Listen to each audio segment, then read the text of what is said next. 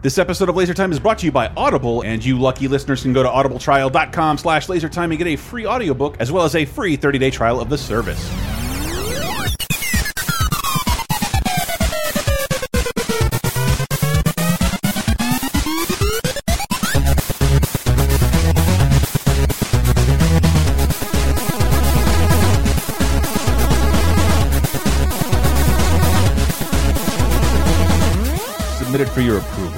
The internet's seventh leading pop culture podcast. Hello, everybody. It's Laser Time. Uh, I'm one of your hosts, Chris Antista. The seventh leading pop culture podcast show. We should rise a little bit, at least in Halloween, October classiness. So we have a very special topic today. Who is with us today? Uh, Dave Pigface Rudden. And for the first time ever, Uh, Marty, it's a cookbook Anderson. what up, Marty? And Marty inspired this episode just by bringing up let's talk about our favorite Twilight Zone episodes. Bong bong. Wait, why did I do that? I have the fucking noise right in front of me. um, but what a great topic to do. We talk. We only talked about the Twilight Zone on an episode we did about um, marathons, but in that we remarked on how weirdly important this show from the 1960s is to people our age, and even maybe even younger people, because despite it being a five-season show of 150 episodes that lasted from uh, 1959 to 1964, it's had a much long, longer shelf life than almost anything before or after it. Uh, and I know it's part it's it's part of my Halloween traditions or my getting high traditions. I think it's it's safe to say that this also spans like not just spooky Halloween time, but when you've got the the mini marathons that they'll play on like sci-fi. This is Christmas. This is New Year's. I always remember it. It aired on New Year's, um, which is like the very best time to be exposed to like really dire and, and scary situations. Like, I don't, maybe I'm not ready to face this new year. Well, that's that's the thing. Uh, when when you catch when I catch one on television, the parts that really get me because it's not really that scary a show. It can be a surprising show. It can be a thoughtful show. Um, but when I'm catching on TV, and every once in a while, I'm like, I cannot believe how politically resonant this episode is when I'm watching it right now. Yeah. That's what gives me the No. the biggest chills from the show. Marty is my uh, mythical lady friend, uh, who I've forced to watch about half of the Friday the Thirteenth series for, Elm our, Street uh, Nightmare. Yay! Patreon.com slash laser time. We're uh, nearing the end. We'll be getting to nine by the end of this week. Yeah, and in return, I've watched some of uh, this show, which apparently is critically acclaimed, but uh, Yeah, Anyway, I, I, I- believe, I, I- I- believe I- I can't- Twilight Zone won more Emmys than Friday the Thirteenth. I can I can say that without much research. and they, they won the equal amount of Oscars, which is zero. Uh, That's so unfair. Twilight Zone is an important show, obviously, um, for any horror buff, but also like if you're a Simpsons fan, like so Right. many Treehouse of Horror episodes come from. From, come from these various episodes, Right, So and that's it's, why it's I- a want to be pop culturally aware to you know have a good knowledge of Twilight Zone. Totally, and they're always really rewarding. They're like adult bedtime stories. They're in shot in one of the reasons they hold up so well. They're shot in beautiful black and white, which I believe was something Desilu Studios somehow had the foresight to do. Lucille Ball like mandating everything be shot on film, from Star Trek to this, like uh, be shot on film. So when we want to upres this, if you, have, if you haven't seen them on Netflix, they look amazing for fifty year old shows. They really do. That's right. When the choice, uh, they they had the choice to actually make episodes in color at one point, and decided to keep going with this spooky black and white Yeah. because even though you're looking at something that obviously has aged since 59 to 64, um, you know, it, there's nothing as spooky as black and white. You can like mess with shadow and light and um, the Dutch tilt constantly, and And I would say Uh, dr- dreamlike. It it keeps it really Oh, dreamlike. I, I've say I've uh, as as a kid in the Bay Area, um, I've been watching uh, Twilight Zones since they were on Coffee KOFY, and they would show mini marathons every Wednesday. And so uh, at like four or five, I started watching Twilight Zones with my family, and they're safe for you to watch with with parents, Yes. which is good when you're a kid. Yeah, They're and- spooky, but it's safe. We didn't. I didn't Um, grow up in a town with a ton of smaller stations, but if you did, you were probably exposed to a lot more Twilight Zone than I was. There was like one station that aired them, and then Sci-Fi Channel still dabbles in them. Oh yeah, and this was pre like Sci-Fi Channel even. So Yeah. we recorded them on VHS and uh, and cherished those tapes and would still watch them with the you know 1992, 1993 commercials in them of the Bay And Area. your VCR broke and it was the last VCR on Earth. uh, I think that's called Rewind Enough at Last, uh, which did not make Marty's list. I asked Marty her 10 favorite and just said, let's roll with that. Uh, and I Okay, did, I, but I did really like your point on um, what was the other thing that really sells it. Any age group uh, and demographic can enjoy the Twilight Zone, and I can't. Yeah. That's the product you can say about a lot of 50 shows just because they're safe, but like they're scary and sometimes macabre, but safe for kids. Uh, adults will fucking revel in like the things they manage to sneak on television and some of the in this squeaky clean era of washing machine salesmanship and soap. They snuck a lot of hard concepts through people, um, and we'll talk about that in just a moment. Uh, but Marty's picks, I was I loved them because like Dave and I probably would have gone for like to serve man or the anything from the Twilight Zone movie. But to be um, fair, you didn't. um, Dave asked me for top 10 and I gave him 23 and then I kept going with the list because I I can't give you like a top 10, but I'll tell you uh To Serve Man is in my top 3. Um Eye of the Beholder, like a lot of the classic well-known Right. ones are. Uh, but if you keep digging and you keep watching ones, you find like you were talking about super culturally relevant ones that, you know, feature a lot of society taking another eye at itself. Like yeah, you you you do have to um, keep that mindset that obviously people were still struggling with a lot of civil rights issues. Right, and fucking the time, nuclear panic. Nuclear panic was still a thing, which we'll figure into several episodes. Of course, you've got yeah the constant unknown of going into space and the fear of what that's going to lead to, and then there's the fact that everybody was a veteran of World War II. Yep. And so, what you see in a lot of the episodes is the horrors looking back on it, or sometimes it's a comical view um, of of something back from the 40s. And Right. I always think that's really cool to see. And one of my favorite episodes is is de called Death's Head Revisited. that Oh, yeah. takes place 15 years after World War II, and a guy who works in a concentration camp returning to that that Dachau camp and being driven mad by the residents still alive and wandering the, the uh, compound, and it's just like, how the fuck did that play on television in a modern day? When well that's where you know that is fucking scary for the time period. Like i i watch those episodes and i still get spooked out. And certainly any soldier that had to liberate a concentration camp especially dachau which was supposed to be where the guy's going back to that just gives you chills and that's one of the episodes that my mom would like get teary-eyed with because my grandparents went through the holocaust and you know somebody who can still be proud about going back there and wanting to live that up and then a ghost haunts him from the past like it, it's the comeuppance that we like to see in the twilight zone Right. And, and okay, so I've gone way too long here um, without playing some sound effects. So I got some. I got some I wanted to share with you because you can't talk about Twilight Zone. Uh, it's without talking about Rod Serling. They go hand in hand. Homeboy wrote, I think, two thirds of the 156 episodes. 156 episodes. Are you listening, Black Mirror? With your four episode seasons, 156 episodes in five seasons. Get to work. Uh, but yes, the Twilight Zone. Here's a clip of the opening of the show. The scary door. Obviously, that's not it. But I have a feeling I just trying to get some Futurama's fans in there. But here, here's a little bit from the intro of the Twilight Zone. It's it's absolutely timeless. Everybody loves this.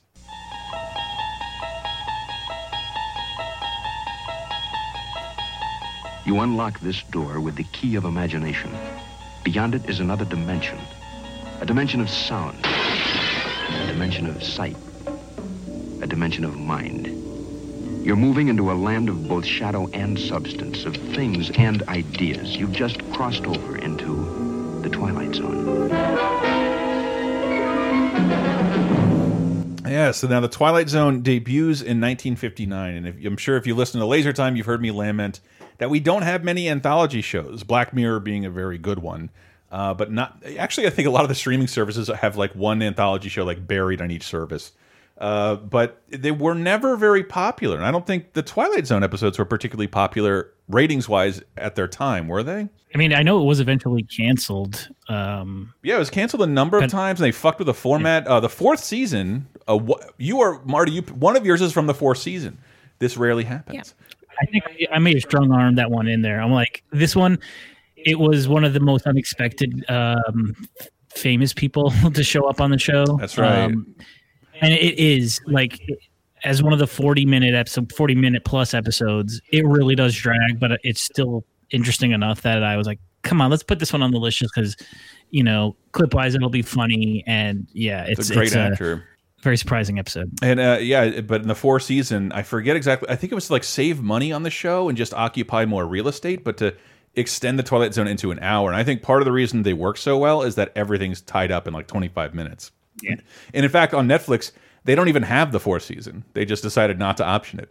I think a lot of it is that so that they can't give you all of the episodes. I Mm. think that like that's part of life's mystery is trying to watch all of Twilight Zone, and you're you're never gonna do it.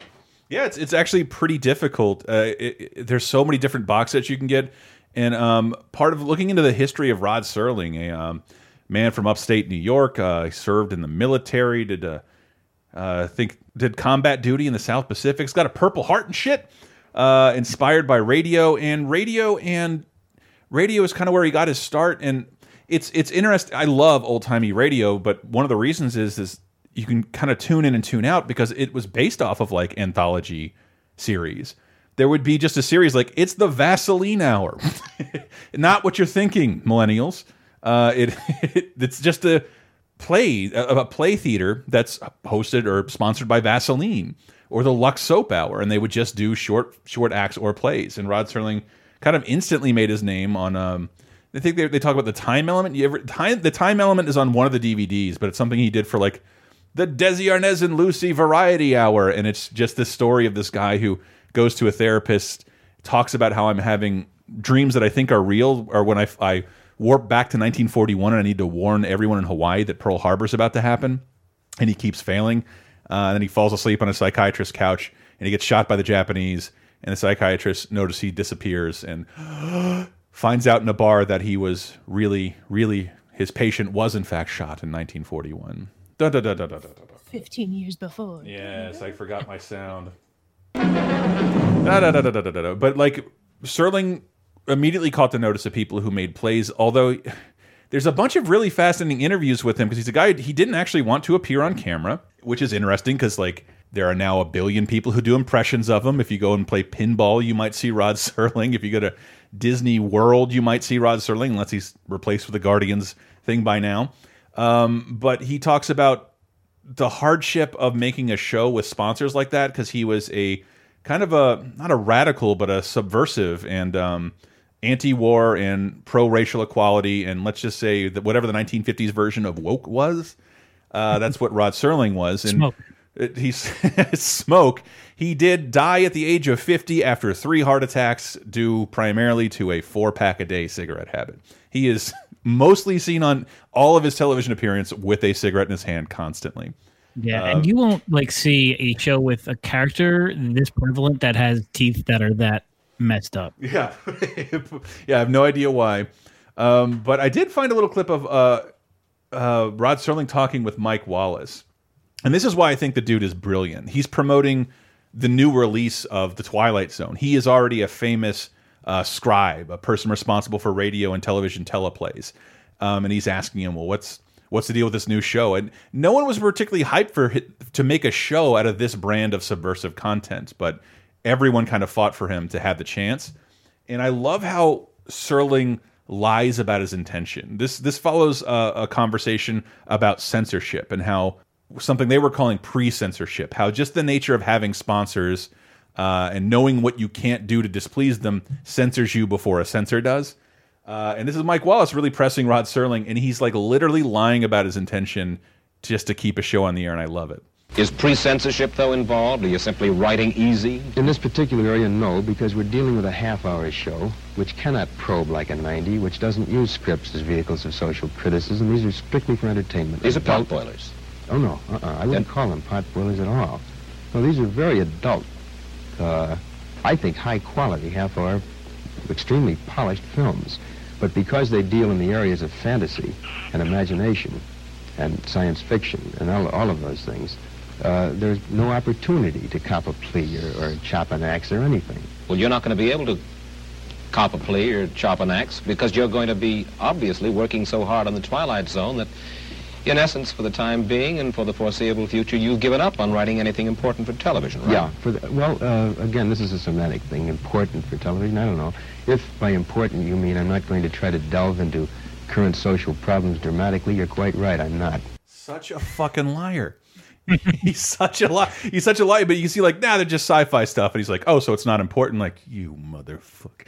He's trying to toe this line just so he's not pre-canceled by basically what the Twilight. It's crazy that to unleash. Michael Wallace is interviewing him though, like who I saw on like the news and 60 Minutes and stuff like that into the 2000s. Yeah, that is that is strange. But then, like, part of part of rewatching this and like looking closely at the dates, like, it wasn't. You know, it's not that far off from my birth. It's just it's only twenty years. Um, yeah, and also we're going to be talking about you know a handful of actors who some are still alive and working today who kind of got their start.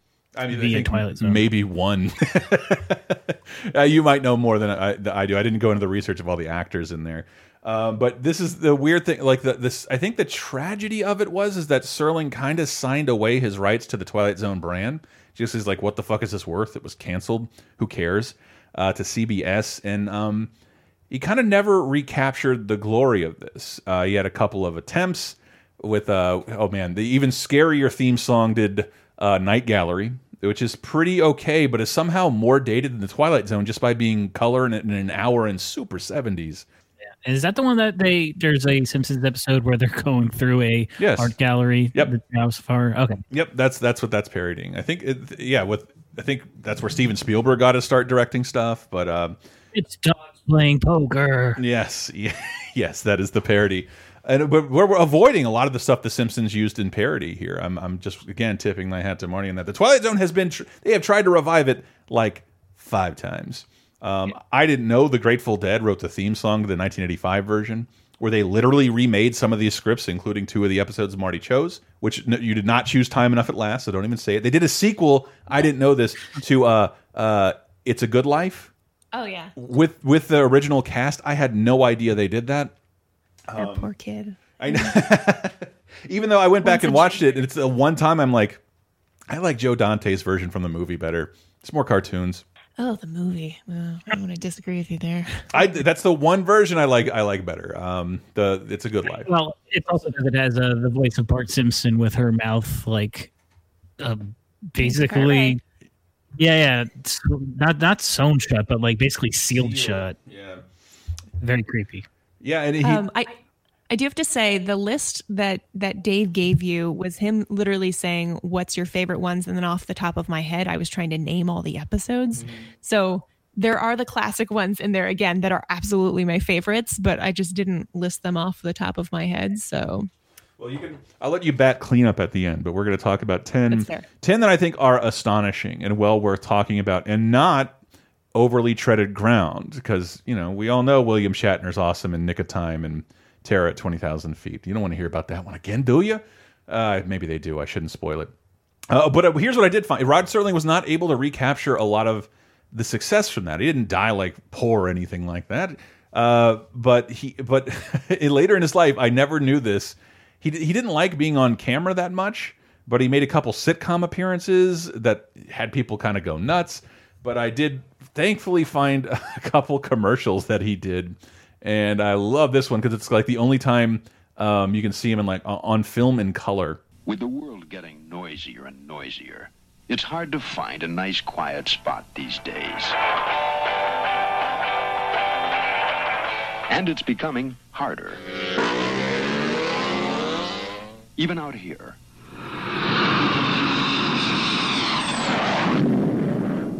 Noise.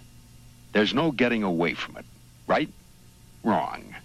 Because while everything's getting noisier, Ford cars stay quiet.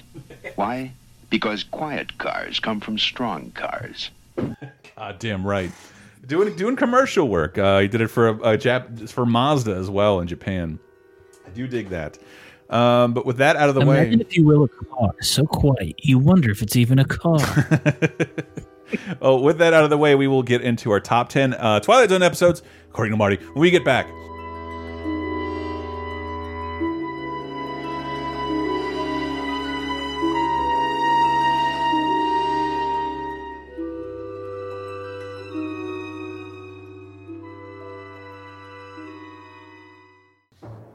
What is up, you Twilight Zone loving laser timers? I got some great news for you today because this episode of Laser Time is brought to you by Audible. And if you go to audibletrial.com slash lasertime, you can get a free audiobook and a free 30-day trial of the Audible service. You like podcasts, I'm sure you know what Audible is. They've got over 180,000 titles to choose from, and that includes audiobooks, radio shows, radio dramas. But if you didn't, your bestsellers, your Harry Potters, all that stuff, which you can then listen to on your iPhone, your Androids, anywhere you can put an earbud, you know all this. But what you might not know is that they produced an. What you might not know is that uh, some maniac out there produced somewhat new episodes of the Twilight Zone, radio dramas actually, and uh, and I love love radio dramas. And they have star-studded cast. Assuming you're a little old, do you like Stacy Keach? Christopher McDonald, Shooter McGavin, Blair Underwood, Lou Diamond Phillips, LDP, Ed Begley Jr. All these people are starring in new productions of uh, Twilight Zone episodes. And I think that's super exciting. And that's in addition to all the other stuff you can find in the Audible service, like new Dr. Katz and X-Files episodes. But hey, why don't you try it out for free? You can go to audibletrial.com slash lasertime and do just that with your 30-day trial. Thank you, Audible. Would you like exclusive bonus podcast commentaries and more from the LaserTime crew?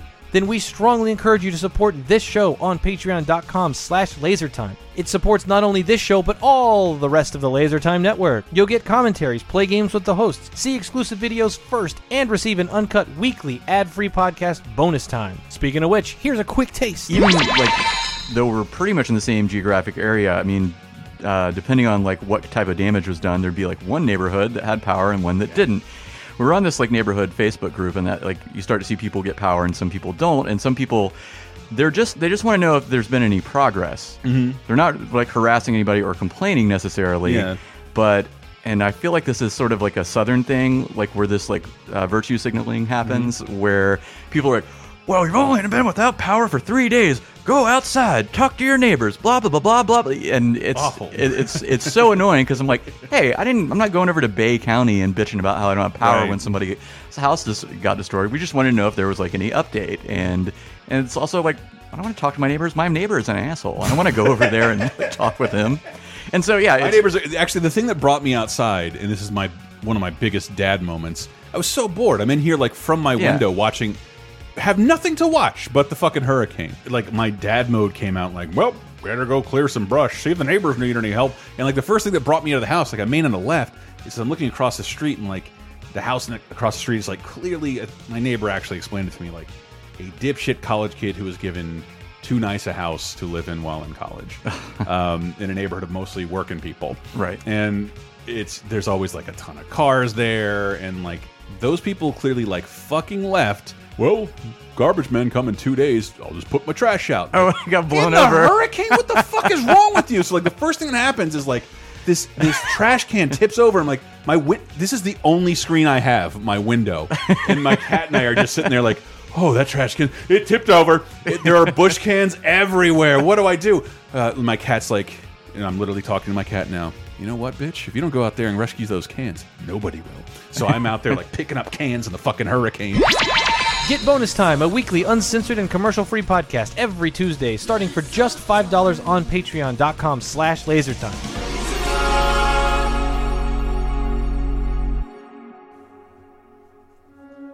Thank you, folks, so much for listening. We are wrapping up October, and boy, has it been a special one. The biggest news I got to give you right now is for our Patreon, patreon.com slash lasertime. I still don't know how I'm going to do this, but I'm dead set on it. If you didn't know, sort of at the last minute, I hosted a Halloween animation showcase uh, at uh, one of our local theaters here, where I put the spotlight on the most spooktacular uh, 2D animation I could I could find, think of classic stuff that doesn't get play on television anymore and is hard to find on YouTube. I filmed it so we could put it on our site, but the audio was a little fucked up, so I'm going to do something a little low rent, and I'm going to try and redo that in the studio, even though we're not dressed and lit very well. But try and recreate that experience, a little bit of explanation, and play you some classic or unloved Halloween cartoons, and we hope to get that to you just in time for Halloween season. I'm looking at you, dads who have to stay home and tend to trick or treaters. This is the thing you're going to want to put on in the background. I'm going to try and keep it relatively curse free. Outside of my boring context, I think these cartoons are timeless, and we're going to try and sneak it by the people who won't let you see it and put it up for our patrons, patreon.com slash lasertime for the low cost of five bucks. In addition to that, that five bucks, You'll get new episodes of bonus time. Um, we had one we had in the barrel for the hurricane, but we didn't get to edit because we had no power or internet. Uh, but it's uh, I, it's one with um, the Aarons, if you remember them from the witches episode, where Aaron tells the tale of. Uh, I'd say it's genealogy. It's one of the crazier stories I'd ever heard from someone I knew, uh, and we wanted to share it with you. And I gotta mention, of course, an all new season of An Elm Street Nightmare is coming to a close. By the time you hear this, you should be able to enjoy the seventh episode, Friday the 13th, part seven, The New Blood. And by the end, by Halloween, we hope to have up. By, by Halloween, we hope to have up the worst entry in the Friday the 13th series, Jason Takes Manhattan. So join Dave and I for an extended discussion on everything involving the life, work, and legacy of Jason Voorhees. And that is exclusively for patrons right now on patreon.com slash lasertime. So if you're keeping score, over 100 commentaries, a weekly bonus show, a 10 episode miniseries on the Friday the 13th series, and a cool video of a bunch of dope ass Halloween cartoons. If you're not a patron yet, hey, maybe consider it. And if you are a patron, we're trying to give you a reason to stick around. Your money's important to us. We cannot thank you enough. So, with that, let's get back to the show.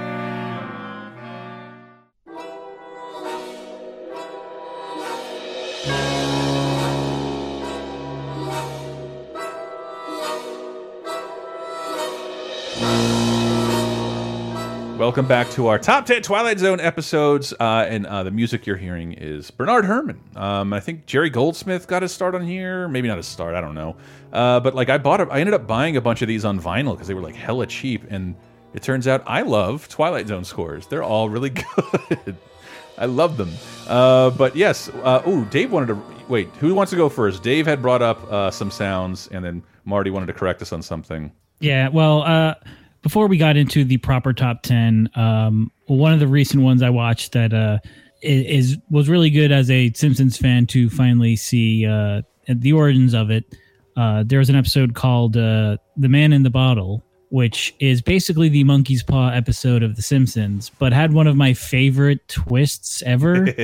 And it is one of the rare times that like uh, twilight zone got a bit too campy and a bit too on the nose.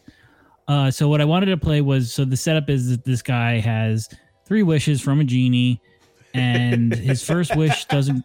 His first wish, wish is for a lot of money, but he gets it all like taxed, so he like comes out even poorer. So then he's like, "Well, I, I can't wish for money. I should wish for power." And the first part, the first clip is him deducing like, "This is how I should ask for it." head of a foreign country who can't be voted out of office, but it must be a contemporary country Contemporary. within this century. No problems. What about consequences? Consequences, Mr. Castle? I've already told you. You run the risk of consequences no matter what you wish for. All right, so you'll never guess, but there's a that the genie was able to find a loophole in that seemingly airtight uh, So uh, he- wish. He wants to be uh, basically a king with no term limits uh, Mhm. of a country. All right, let's see. Let's see. Within the 1900s, Within the 1900s. Oh, that was that. Why did he do that? Can't be voted out of office. I'm Hitler. I'm in a bunker. It's the end of the war.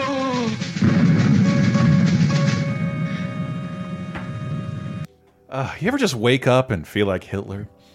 Oh, in a bunker at the end of the war. uh, yeah, it, it, it does that. Serling's kind of famous for that style. I I know. I've talked a bit about one of my favorite Rod Serling uh, Twilight Zone episodes. That's two hours long, and that's Planet of the Apes. Uh, because it, it it has pretty much all the beats of a Twilight Zone uh, episode. I was so excited. I'm not done with it. Um, did you see the? Uh, you got to see this, Marty. They adapted Rod Serling's original Planet of the Apes script into a comics uh, with Dana Gould's help, and uh, yeah, it just came to Boom Comics, and, you, and it's it's much more like a Twilight Zone episode because it's all set in the night. It all the Ape Town looks like the 1950s. There's buses and streets, street lights and stuff like that. It's fantastic. Is it narrated by the the voice of Charlton Heston? Charlton Taylor is still in there, so just try and poke your bottom chin out and talk like the man himself. I lament everything until the end. Uh, man was better than you. I, that's the only part that you can tell that wasn't written by Serling. Serling. Anyway, what were you going to correct us on earlier? Oh, uh, b- before we go any further, I have to say, anytime you find a super hokey Twilight Zone episode, it's generally not written by Rod Serling because his stuff tended definitely to be more of like the classic spooky, ends with a twist, um, but not as funny. Uh, but yeah, no, what I was going to correct you guys on earlier is um, Twilight Zones themselves, of course, never won an Oscar, but there was a short which is on my list, but not something that has a sound effect, uh, which is an occurrence at Owl Creek Bridge. Um, and that short actually did win an Oscar. Oh, that that actually Um, is on your list, by the way. Yeah, it, it just has no sound because there is no sound. Well, I got- I there's, got- there's no speaking. I'm I'm I'm just so glad you brought that up because like the second um because I think you were going from memory you were like I, I don't I couldn't couldn't believe you remembered this that the Twilight Zone in its what was it its fo- fifth season com like just basically commissioned a French short film and ran it as an episode and th- that kind of shit happens a lot in entertainment I thought they were going to treat it as like uh, you know like licensing Japanese animation and just calling it Robotech. But it does have an intro that Rod's. I, I just applaud them for actually doing this. Tonight, a presentation so special and unique that for the first time in the five years we've been presenting The Twilight Zone, we're offering a film shot in France by others. Winner of the Cannes Film Festival in 1962, as well as other international awards. Here is a haunting study of the incredible from the past master of the incredible, Ambrose Bierce. Here is the French production of an occurrence at Owl Creek Bridge. I cannot. I cannot believe they opened the episode saying like, "We didn't make this, but we think it's really hmm. cool, and we're going to show it." I, I believe this is the only time that the Twilight Zone has opened with like a fourth wall breaking. Like he's basically acknowledging like this is a special episode of the Twilight Zone, whereas every other time it's like he's saying, right, you know, There- imagine if you will, this thing, that thing, or the other thing. like he's an omniscient narrator. There's one episode that centers around a writer, I believe, where they like he like talks to Rod Serling and then deletes him from the episode. But other than that, yeah, he's always like this godlike character sitting in. It's the, the second season on, he's this godlike character sitting in that they'll just throw to, and he'll introduce each episode. And we'll be playing you those clips throughout the episode. I got them all. But But it's also one of like the least replayed episodes because I think the way The that they rights. bought the rights to it, yeah. Well, it's- it's interesting. Hitchcock actually had, you know, of course, his competing show, um, and they had already aired a, an earlier version of Occurrence at Owl Creek Bridge. No Um, and then Rod Serling goes and is like, "No, I'm going to play you guys this better version."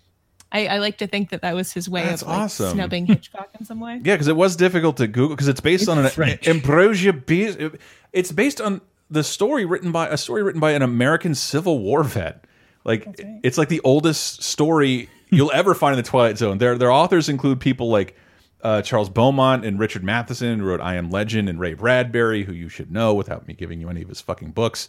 Um, but this is this dude was an author during the Civil War. This is it's a story from 1890, and Marty, I wouldn't have watched it unless you suggested it, but it's quite haunting. There's no, there's not a lot of dialogue, uh, and it's probably the the episode I'd least want to show to kids, just because the the disturbing hanging sequences.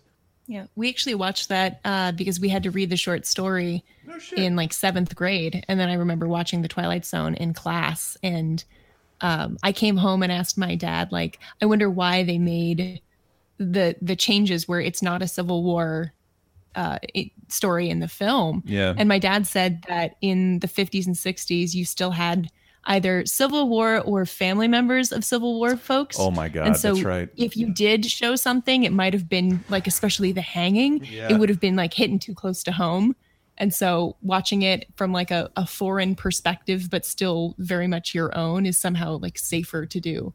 Um, Yeah, and, and that's that's it. Does the episode starts out with a guy being hanged from a, a railroad crossing, uh, but he uh, but he breaks free and survives and gets home, and uh, some other things happen in between. And then when he goes to embrace his wife, it just cuts away. His neck jerks back, and it's like ah, you never he never actually. That was him flashing back to his life. you just watched a hanging uh, in half an hour. Uh, it's it's a I don't know. It's a very compelling episode. I'm just glad you brought it up. I don't hear it brought up that often, but because it, 'cause it's not a Twilight Zone episode, but it's it's dark and it's got a twist. So It's yeah. it's poignant enough too that it like stays in your memory. Like me telling Dave my favorite Twilight Zones are all the ones I can remember, Mm-hmm. and I think that's um, just kind of what makes these like the think piece episodes. Yeah, Serling did do an outro. An occurrence at Owl Creek Bridge in two forms as it was dreamed and as it was lived and died.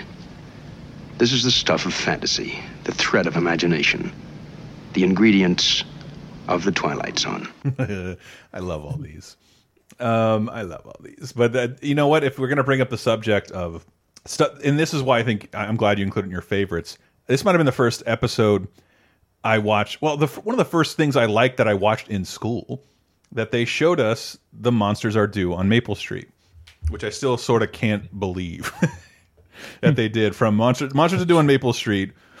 I read a play of this in in school. Like it was yeah, uh, like fifth or sixth grade, reading the play out loud. It's uh, written by Rod Serling, directed by Ronald Winston, and um, it's from the first season, the the twenty second episode, and it I think it would kind of go on to define the Twilight Zone general style because it's it's it's totally safe for work, but pretty disturbing.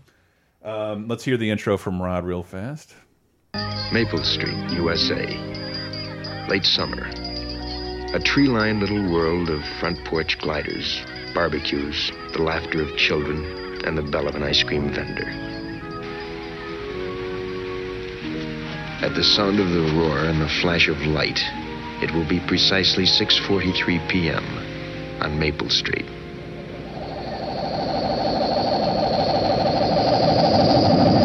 And yeah, God, I love this. I love this episode so much. They and they, they, you you can find the remake all on YouTube from the 1980s. They just remade the whole thing in an hour uh, for the new Twilight Zone. Um, but yes, what there's a strange noise that occurs from the sky in this pleasant, picturesque Norman Rockwellian neighborhood. And what do you think happens to all the townsfolk? They get along and they they figure things Right. out. They elect a, an interim governor, declare martial. No, they panic, go crazy, turn on one another, uh, and eventually accidentally kill somebody. I, I think what um that always stays out in my mind, of course, is is like we were talking about before. It's all Walking Dead episodes where you're not fighting the the monsters anymore. You're fighting each other. You fight humanity. We are the monsters that are due on Maple Street. um, yeah, that it never stops being reality. Like especially this is I'm just gonna keep hitting this on the Hmm. head that Twilight Zones never stop. But uh, what I do love about this one in particular is it doesn't really like allow you to like dwell on oh the humanity of man. It just it does have an ending like there are aliens and boy do I want a, a collection of images of aliens from the Twilight Zone because they're usually just uh slick back haired people with like a couple of doodads on their jacket and these guys just have like earpieces in but the aliens talk about like oh look if you freak them out you can do whatever you want take them over pretty easily Understand the procedure now? Just stop a few of their machines and radios and telephones and lawnmowers. Throw them into darkness for a few hours and then sit back and watch the pattern. And this pattern is always the same? With few variations. They pick the most dangerous enemy they can find, and it's themselves. All we need to do is sit back and watch.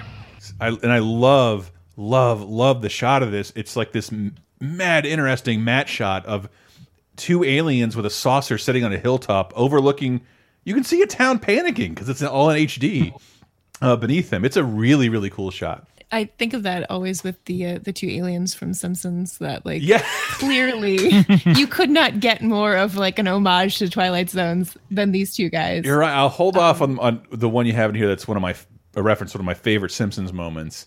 But you're, I think you might be right. I think they might be what Kang and Kodos are based off because that's other than episodes that are all centered around them. That's all they do is sit and witness to Earth. See, I told you so. that that's oh my god. Uh, but yeah, of course, Rod Serling brings it at the end. The tools of conquest do not necessarily come with bombs and explosions and fallout. There are weapons that are simply thoughts, attitudes, prejudices, to be found only in the minds of men. For the record, prejudices can kill, and suspicion can destroy. And a thoughtless, frightened search for a scapegoat has a fallout all of its own. For the children, and the children yet unborn. And the pity of it is that these things cannot be confined to the Twilight Zone. I I wish I could laugh more at that, but it really like I watched it and kind of cried a little bit, just because like why is this still relevant? This is so depressing. This is so. I think that's that's why these things are end up being spooky because they resonate with the issues that we still go through and we will always go through as mankind. I know, but it's like it's like a guy manufactured all of our problems into this little sci-fi anthology show and presented to us. And We ate it up, and we still eat it up, and we don't. We haven't learned anything, anything from it. Oh, oh the depression. I'm not sure if it's on the list, but that episode uh, always reminds me of The Shelter. it is on the list. Uh, Do you want to yeah. get to it now? Okay. I was Do- am saying- I jumping the gun here? No, no, I just didn't want to play like uh, like the two ones that like I think everything else you have is is sort of a deep cut for me. Um, but this this is the one I know we talked about because it was the basis. It was the one Twilight Zone episode that's the basis for a Simpsons episode that's not a Treehouse of Horror. It's the basis for the Bart's Comet episode, or at least like the last act where they all go to Flanders bomb shelter. And Flanders can't figure out who to kick out, lets everyone in, and it turns out they're all the gonna- role of uh, Flanders is uh, the uncle from Charlie and the Truck Factory. This is true. Like Uncle He Joe, out of the Gran- bed. Grandpa Joe is out of the bed without a mustache, and you will. To That's the thing. When I first saw this, I've seen Willy Wonka and the Chocolate Factory like ninety times. I think they'd play like. I don't know if they still do this places where they have a movie theater that just shows old shit during the summer, and your parents just throw you there, and you go and watch like four movies. I've watched this movie so many times, and I have never seen Grandpa Joe in anything else. And the second I heard his voice, it something really weird clicked with me. I'm like, oh my god, it's like the sequel to Willy Wonka and the Chocolate Factory, and it's really dark. Let's let Serling introduce the uh, the topic here. This is the Shelter uh, from season three, episode three, directed by Lamont Johnson and written by, of course, Rod Serling. What you're about to watch is a nightmare. It is not meant to be prophetic. It need not happen. It's the fervent and urgent prayer of all men of goodwill that it never shall happen. But in this place, in this moment, it does happen. This is the Twilight Zone. I could not get all those like musical stings at the end. I love them so. So the plot of this episode, not unlike Bart's Comet, but it's just the whole. It's just thirty minutes. Uh, that is there's a accidental panic over the airwaves or something where they announce a Russian nuclear missile is launched. Is that what it is? Yeah, essentially, it's it's uh it's an accidental nuclear strike alarm that goes off, and the beginning of the episode is uh, a birthday and slash kind of a roast of uh their you know all the families in the neighborhood. That's right. And this one guy, it's his birthday. They're making fun of him because he's paranoid and he has a shelter. He's been building it, and how stupid is he? And he's and then suddenly, yeah, the, the alarm reading, goes off. reading about the background of the episode in 1961, yeah, th there was a scare that we all needed to build fallout shelters, and people did. So it wasn't at this point. It wasn't far fetched. The idea that Flanders has a bomb shelter is hilarious because of Flanders' character. But this was something like people did in their neighborhoods. They built bunkers to survive nuclear blasts. They were pretty sure were coming. Uh, and this this dinner party devolves as everyone making fun of this guy for having a fallout shelter all of a sudden realize they have to rely on him and they the same thing in the simpsons they realize there's not going to be enough oxygen or food to uh, house all of us for the um, amount of time to survive a nuclear fallout uh, what do we do how do we pick who gets to steal his shelter from him and this is how his former dinner guest converse about his uh, fallout shelter uh, right after the acc- right after the threat We ought to find one basement to go to work on that. Pool all of our stuff, food, water, everything. I tell you, it just isn't fair. He's down there in a bomb shelter, perfectly safe, while our kids have to sit around and wait for a bomb to drop. Why don't we just go down to his basement and break down the door? Frank, Frank, wait a minute, Frank! Frank, wait a minute! We can't all fit in that bomb shelter. We'd be crazy to even try. Why don't we pick out one family? Draw lots of something. What difference would it make? I keep telling you, he won't let anybody in. We, we could all go down there and tell him he's got the whole street against him. We could do that. What good would it do? I keep telling you, even if you break down the door, we can't all fit in that bomb shelter. We'd be killing everybody and for no reason. It saves the life of even one of my kids. I call that good reason. Jerry, Jerry, you know him better than any of us. You're his best friend. Go down there again. Talk to him. Plead with him. Tell him to pick out one family. We'll, we'll draw lots or, or something. One family. Meaning yours, Marty, huh? Why not? And I've got a three-month-old baby. What difference does that make? Is your baby any more precious than one of my kids? I never said that. Look, if you're going to argue about who deserves to live more than the next one, You shut your mouth, wife! Let go! That's the way it is when the foreigners come over here. Pushy, grabby, semi-Americans! you garbage brained idiot! Now, sorry, this just hits a really weird spot. Given that I'm, you know, we're we see a lot of garbage brains idiots on the news, and uh, uh, I was hoping we wouldn't get And into a time. enemy, uh, their mortal enemies, the the semi-Americans. The semi-Americans, Those you, Martys. you the got, worst. and I don't know what was that guy Italian? What- Yeah, he's an Italian. He's Italian. He's got Italian kids, and the idea is like, why does he? Why does he have so many kids? He's less Maybe than perfect. problem. He's less than perfect. Throw him out. Uh, it's. I'm shocked to see in the 1960s that there would be a scapegoating in the times of uncertainty, um, especially in an ethnic way. But I, I- but I don't know that. Yeah, this episode resonates with me real weird. Um, but I, I do I like it a lot. But it isn't. This doesn't end with. I mean, obviously, it doesn't end the way that the Simpsons episode ends. I've read. Is the the guy who owned the shelter? Is he kicked out of his own shelter? No. it's, it's not where he's. Yeah. Oh well, th it But- looks like they're about to murder him and take his shelter, and they announce on the radio like, "Nope, sorry." Yeah. And like in terms of parallels, didn't that just happen in Hawaii? They sent a accidental message that a nuclear missile was coming, Yes. and so like, Mhm. Thank God we didn't actually see something like this. But like, I mean, we, there, there, there, this probably happened in like a dozen, you know, different small instances with throughout Hawaii where it was like overturned I'm- dinner tables and yeah, yeah. Like, can I uh, use your? Um, I don't know. Forget it. He doesn't anyway. belong in a shelter. He's a Samoan. Like a bunch of awful conversations you can't come back from. And that's what I love about the ending of the episode because it ends up with everything being okay and every one of these adults and children having to silently walk around in the mess they just made. Yeah, Uh, it, it turns into the like, oops, I'm sorry. By the way, the the guy that they're trying to kill and kick out of his Mm. shelter is the doctor as well. Like you'd think he would be pretty important Yeah. after a nuclear holocaust. Yeah. Uh, but it ends with them, you know, trying to like help him up and brushing off his shoulders, like, hey, it's okay, we just tried to kill you. No hard see you feelings. later, pal. No hard feelings. If, if, this was, Death is on the line. Bromo's on me.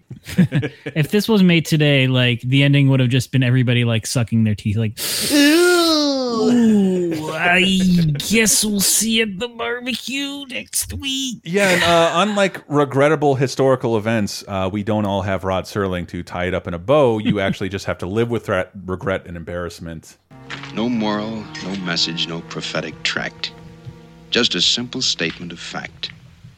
For civilization to survive, the human race has to remain civilized.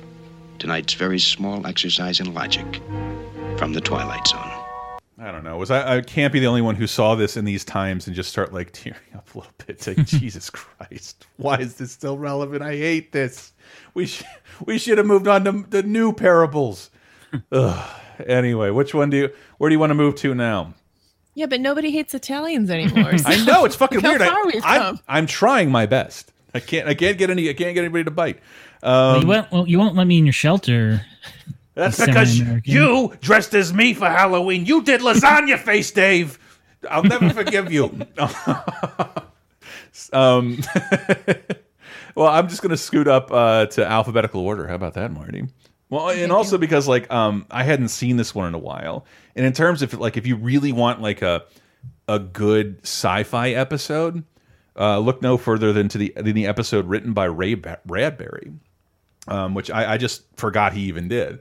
Uh, Ray Bradbury wrote uh, with a great Ray Bradbury title, "I Sing the Body Electric."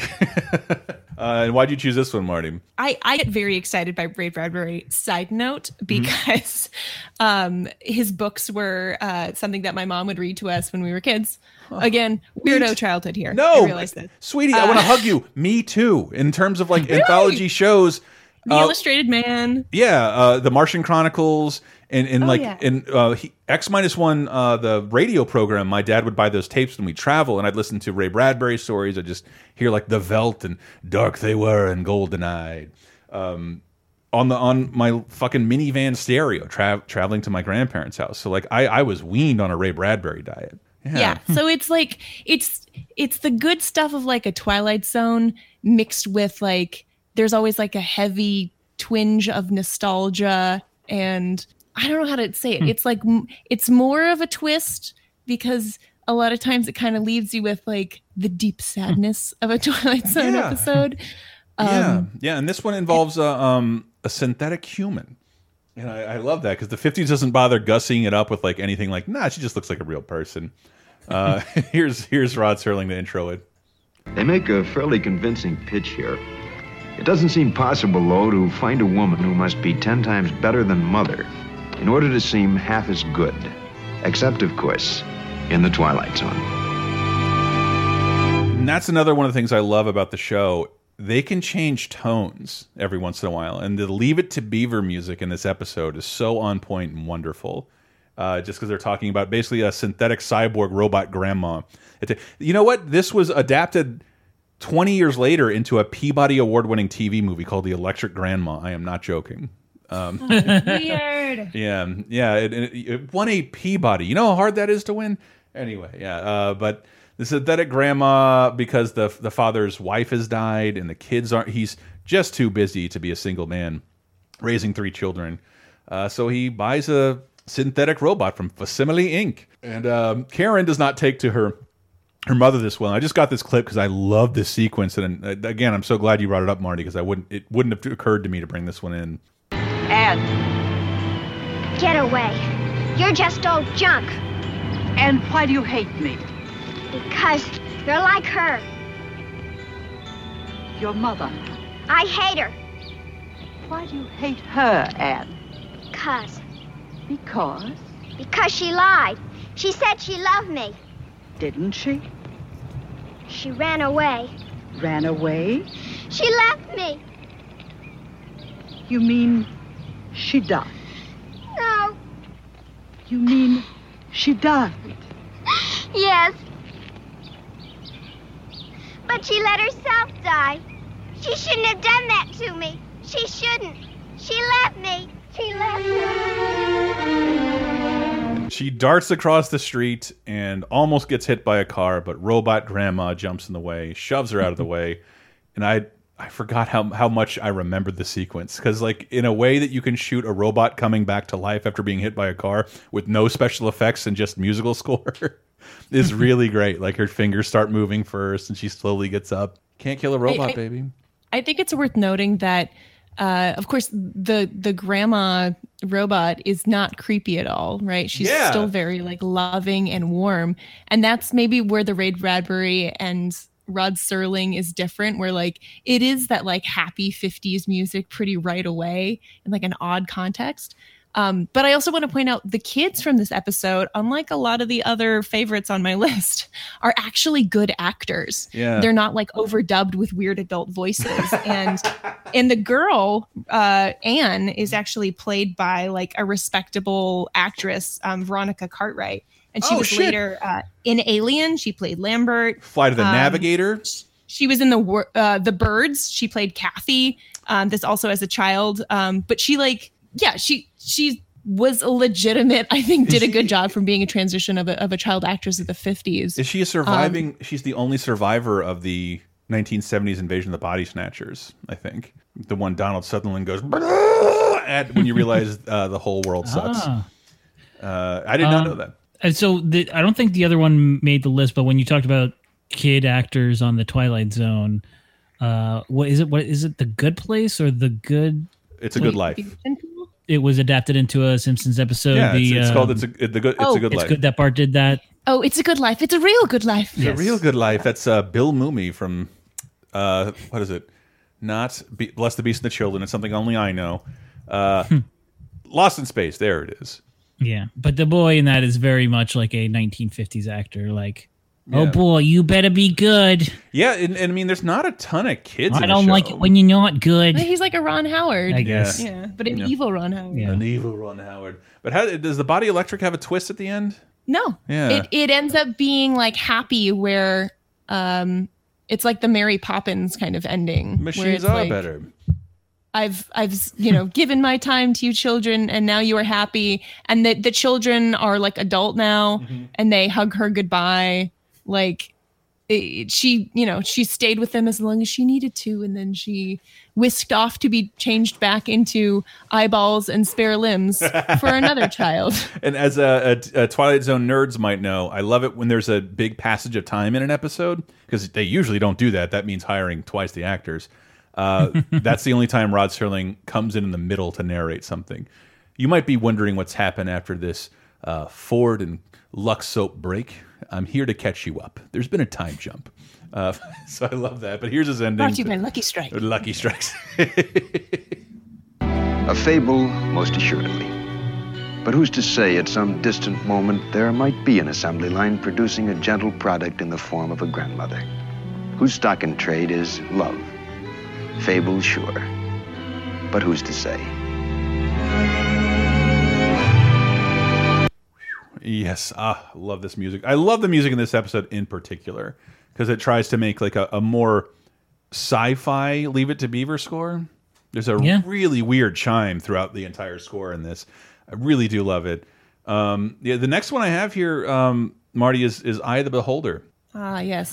I, I think Eye of the Beholder has to be what makes every awkward looking 11 and 12 year old girl say, hey, maybe there's a sexy guy at the end of this for me once I take off these bandages and my face doesn't change. Oh, that's a I'm beautiful on the inside and everybody else is ugly. and that's that's okay. Hold on, let me play Rod's intro so we can talk more about it.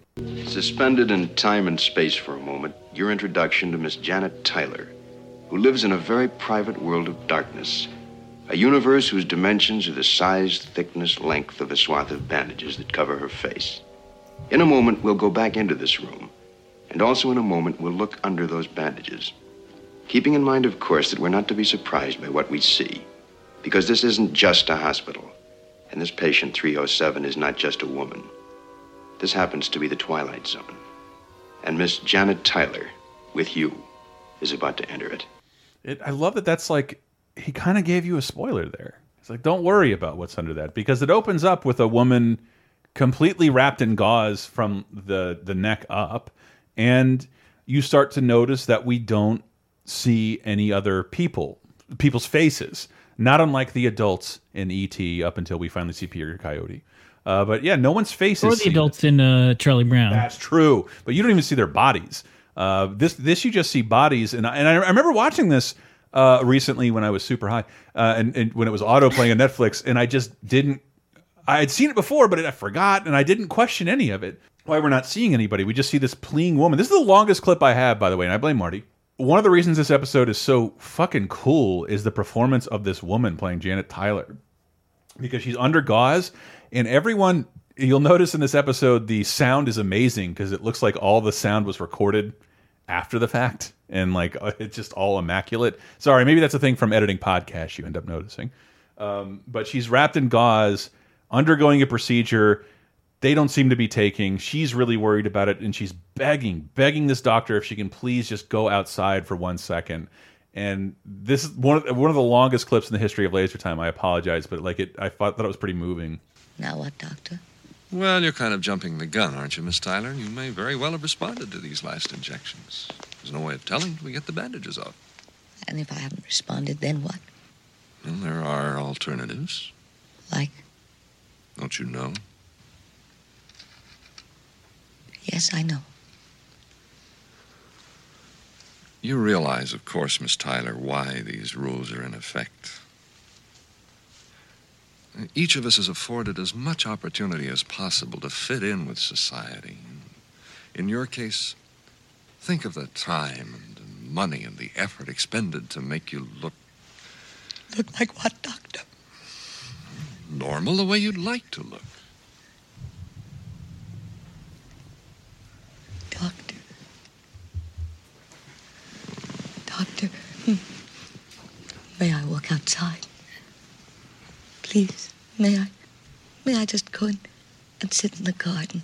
Just, just for a little while. Just, just to feel the air. Just, just to smell the flowers. Just, just to make believe I am normal. If, if I sit out there in the darkness, then the whole world is dark. And I'm more a part of it like that, not just one grotesque, ugly woman with a bandage on her face, with a special darkness all around. I want to belong. I want to be like everybody. Please, doctor. Please help me. Just in the event that this last treatment is not successful, this is simply to allow you to move into a special area in which people of your kind have been congregated. So I don't know. I, I just really was washed People of your kind, please. with like the we haven't seen a face yet, but we're just told we're the, this is this is more sci-fi than we let on. That, Chris, the title of the episode is "Eye of the Beholder." I know. I mean, I they- come on. I didn't get Should've it. Called it "Eye of the Pig Face." I didn't get it. I've I've I've grown up a very pretty person, and it just never. No, that's, you've seen me. You know that's not true. Um, but yeah, yeah. But that that there's a little bit of universe establishing there. That's what I liked about it. That we have a place for people like you to go. That she doesn't. She's not there because she's obsessed with her own looks. Uh, society is obsessed with her own looks, um, and she has no real choice in the matter. I don't know. I'll let No, I mean she she she does care greatly about her own look. She said before that she attempted suicide. Um, because, yeah, but you but not in terms of like so hideous. not not in terms of like I, I just want a flatter nose. It was, it was Well, there's there's a lot of episodes um, that I, that I didn't name that have that similar thread of uh, where people all want you to look a certain way, um, and and that is what is expected. And if you do not conform to the norms, i.e., 1940s 50s society, um, you become an outcast. And um, I mean, her face is deemed as a pitiful, twisted lump of flesh. It's not not something every lady wants to hear. and Um, uh, and then we remove her gauze to find what She's beautiful. She's Ellie Mae Clampett from the Beverly Hillbillies. I is she really? Um, yeah, well, the she unmasked is a different actress than when she's wearing the mask. Okay. So I I have to give props to Maxine Stuart, who's doing all the soap opera hand movements. I, I love it though. I I because she has to convey a lot with no face, and uh, but it's un, you know if you to be honest, most people know this because if you Google the Twilight Zone and Google and hit images, the spoiler for this episode is the thing that pops up: the pig people. But he's supposed to look normal, so why would they pick such a normal image for for Google? No, it's that's what perplexes me. That it's just that this is one of the most iconic episodes ever. And like for some reason, I've watched it like twice in the last five years, and I keep forgetting that when they remove her gauze, she is a beautiful woman in a world of hideous people that detest the sight of people who look like her. And we meet one more beautiful man who whisks her off to the farm. Presumably, all your dogs go to live a happy life. Uh, but it's it's so it's it's so depressing. Uh, and I don't know. I, I just I grew up, especially around Halloween. I love to read like EC comics and uh, weird fantasy. That's the name of the the line. Um, and the sci-fi comics, and they they're just riddled with stuff like this. Like, aha, you didn't know we were not on Earth, did you? Um, we're in a world of Down really ugly people. Ugly pretty. Yes, you're, we're in a world literally written by Oscar the Grouch. That's that's why it gets a little confusing. Well, I, I think still going back to like, you know, what's the hot issue of 2018 is bullying. And obviously, like, kids felt that a lot in those days. They feel a lot now. Um, number 12 is Just Like You, is another episode where she literally gets like a whole body transplant. Um, I'm so I'm ruining that Mm. episode now. Uh, to look like her mother, to look like her aunt, to look like her best friend, and it's literally the same like four actors that play all different parts because everybody just switches out bodies.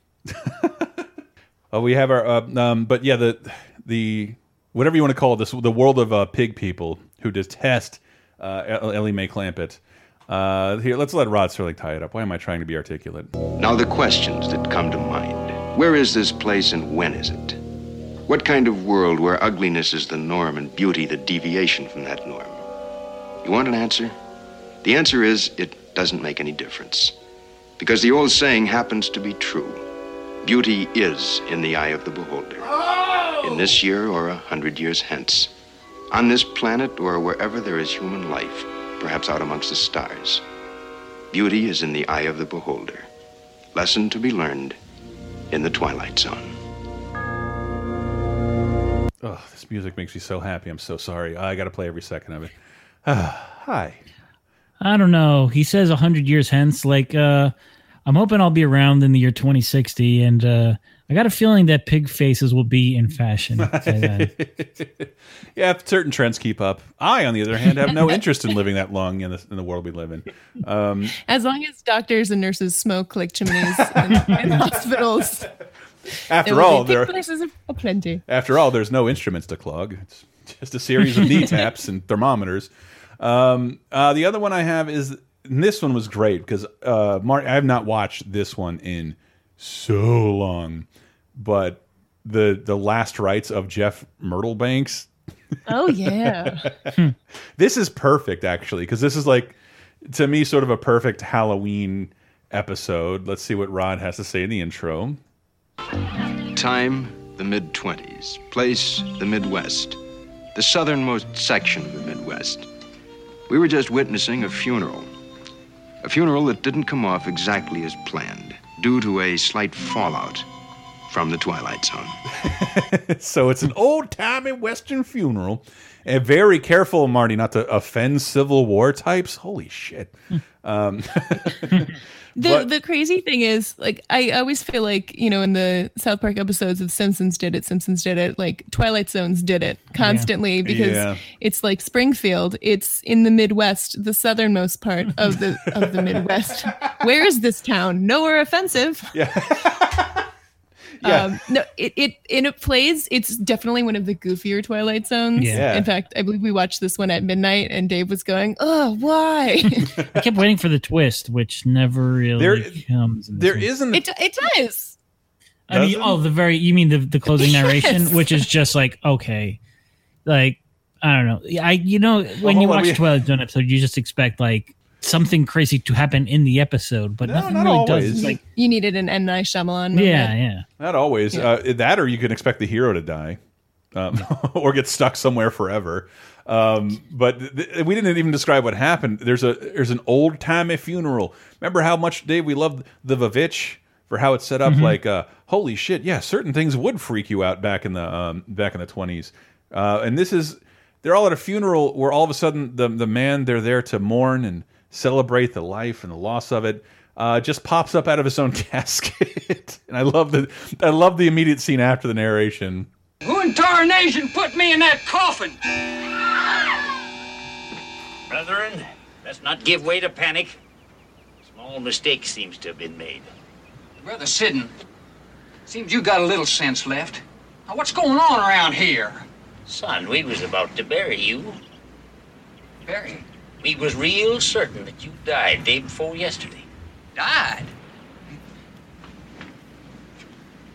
Well, that's silly. Doc Bolton pronounced you dead. That's right, son. Your heart stopped beating two days ago. I was at the bedside. Well, that couldn't be. I'm, I'm breathing now. Well, it sure wasn't beating day before yesterday. I love uh, uh, old old town old timey townspeople. It can't be. Uh, I believe he's he's referred to as a haint at some point in this episode, which I should have just looked up. Um, but this guy who comes back to life, behaving a little differently, but then it's like, is he behaving differently, or is all are the are all the town people behaving differently? Given that he's just gone through this thing, and it's just at, at the end of the episode, it's just like I never liked you anyway. now I got a reason to hate you and run you out of town. But I can see why. Because how does it end? The episode. If if I'm gonna ruin it for you guys, Well, this one you can Um, ruin because there's like there's no, not- it's it's that uh you know he gets the idea as as he's about to be like kicked out of town or murdered or whatever it is by the gang of guys that decided uh he must be a, like a, a devil or a spirit or something of some form that came back in the body of Jeff Myrtlebank. Um, he says, "Okay, okay, maybe I am." Like bad if if i were evil then you guys would really have to be careful because i might like smite your land i might like burn your farm and so then they kind of get like oh okay never mind yeah. He gets And he gets a then real. as- it's, as he t- it's a real Walter White moment. If that's It- if that's true, Hank, then I would tread lightly. basically um, although with like a hick twang and then he turns to his girlfriend comfort because that's what you name your kids out there uh, and and he he says like, "Oh, we're gonna have a real good future together." He goes to light a cigarette and snaps his fingers, and flames come out. Yep. Uh, and she starts looking at him and realizing maybe he's not the same Jeff that he was before. And uh, I don't know if you have the end where where Rod Serling narrates. I do, where he goes, uh, maybe I should go run for office. I'm coming with you. Jeff and Comfort are still alive today, and their only son is United States Senator. He's noted as an uncommonly shrewd politician, and some believe he must have gotten his education in the Twilight Zone. So I don't know how you can look at that episode So and be like, what- who's the senator that can summon fire from his fingers? It's a jokey joke, though. it's a joke, but it's a it's a it's a polite 1960s slander on politicians. Yeah, the devil exists, and you voted for him. Not saying there's any parallel to now. I gotta stop crying. Look, I'm just, I'm just saying if, if I ever saw like a politician who could summon fire, like I might vote for that guy. And and yeah, could turn flowers into like dead flowers. that was also all written by uh, Montgomery Pittman, by the way. Um, and uh, here's, uh, you know what? I'm gonna bounce over to the Hunt. Um, the Hunt, which is the first one I watched, Marty, because I did I couldn't instantly recognize it, but it's another one that I think beautifully deals with death. Um, the Hunt, the Hunt, uh, episode three, 19, episode nineteen, directed by Harold Schuster and written by Earl Hamner Jr. Um, the Hunt. Uh, let's see. Let's hear that intro. An old man and a hound dog named Rip off for an evening's pleasure in quest of raccoon. Usually, these evenings end with one tired old man, one battle scarred hound dog, and one or more extremely dead raccoons. But as you may suspect, that will not be the case tonight. These hunters won't be coming home from the hill. They're headed for the backwoods of the Twilight Zone. So in this episode, some Jed Clampett motherfucker heads in the woods to hunt raccoon. By the way, look up any hmm. footage of Rod Serling talking and write down the episode, the, the, the words he pronounces weird because I want to start talking like that. He's from Syracuse. It, it doesn't matter. Like he in that same Mike Wallace interview, he's like, "I take, I know certain people would take umbrage with some of the things I'm doing, maybe major umbrage." But uh, I'm like, "Oh, that is so slick. I would fuck me if I said that." Uh, but the hunt, the hunt is an episode that like I like. I got to say, I remembered very well, but I would never have put in a top ten. But I really liked it um, watching it again. Um, It it's definitely more of like a cutesy kind of feel good one, not in the fact that it deals with like an old man and his dog dying. I think Which it it's does. it's much more gentle though. which with, it does uh, because like and I because I, love the set of it because like I grew up watching all these like awful live action Disney productions, so I kind of love revisiting those old western sets with a weird harmonica. But uh, he go he goes raccooning with his dog Rip, and he falls into the water, and uh, according to his logic, he lives. But then he realizes uh, he no one in everyone I talk to doesn't talk to me anymore, and they're digging a grave for somebody.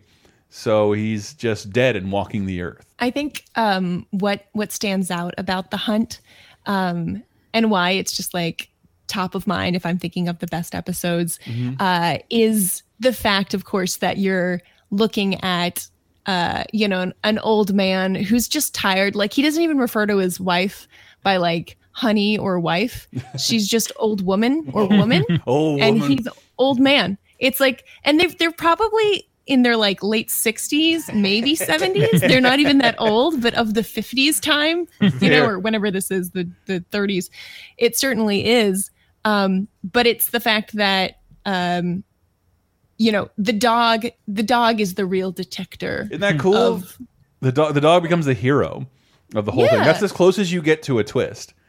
Uh, that Rip the dog can smell the brimstone when uh, one of Satan's minions is trying to lead the old man off into the wrong area of the afterlife. After after like I don't know, I, I love I love sequences like that in movies where someone dies and tries to go talk to people and they can't.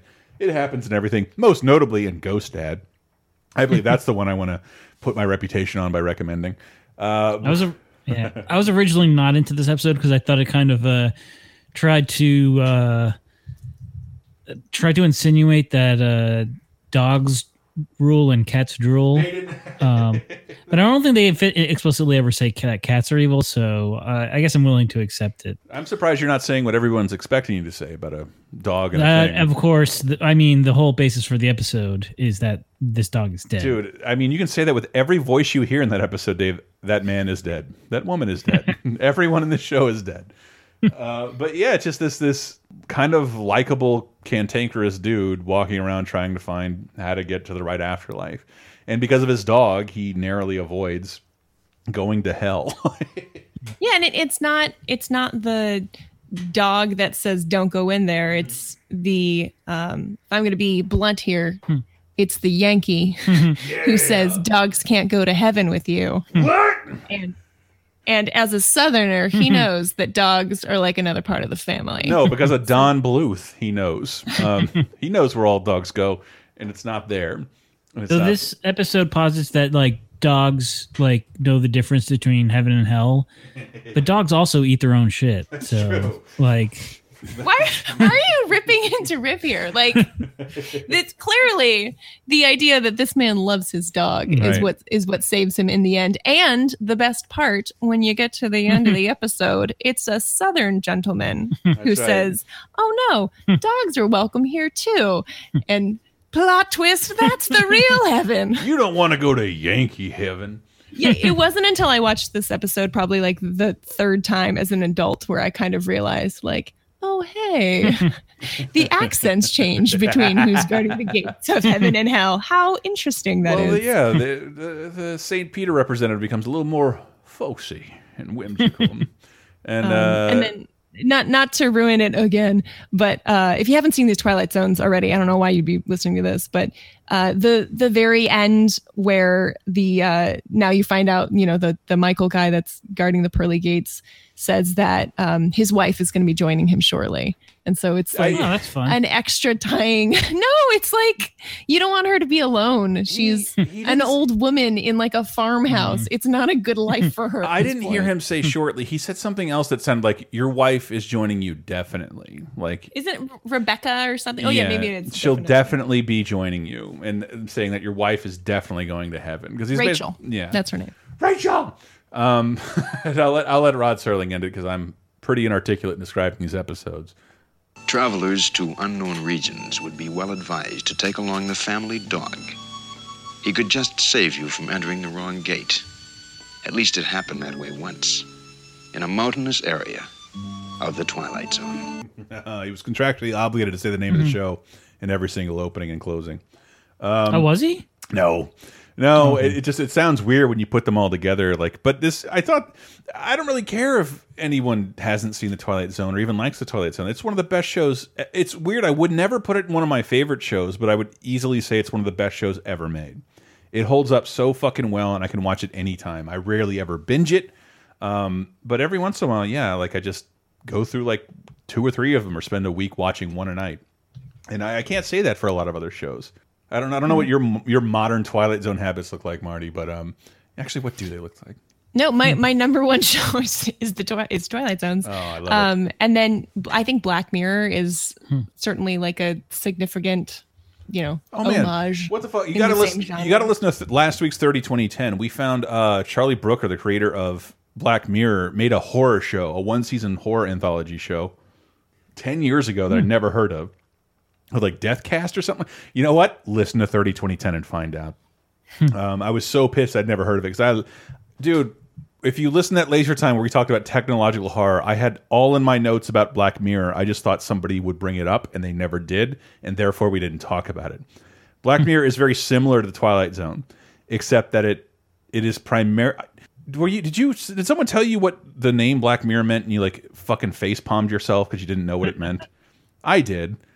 That Black Mirror is your your phone screen when it's Hmm. off. So that's like when you're playing like your Switch or something, and then you see your own face in it, Yes. and you realize that like, man, I got to lose weight. Right. That is exactly what it is. But like that, that, that it is mostly technologically based. Whereas there's plenty of technology in the Twilight Zone, but a lot of it has to do with I don't know this this psyche of human beings more so than our a techno technological influence over us.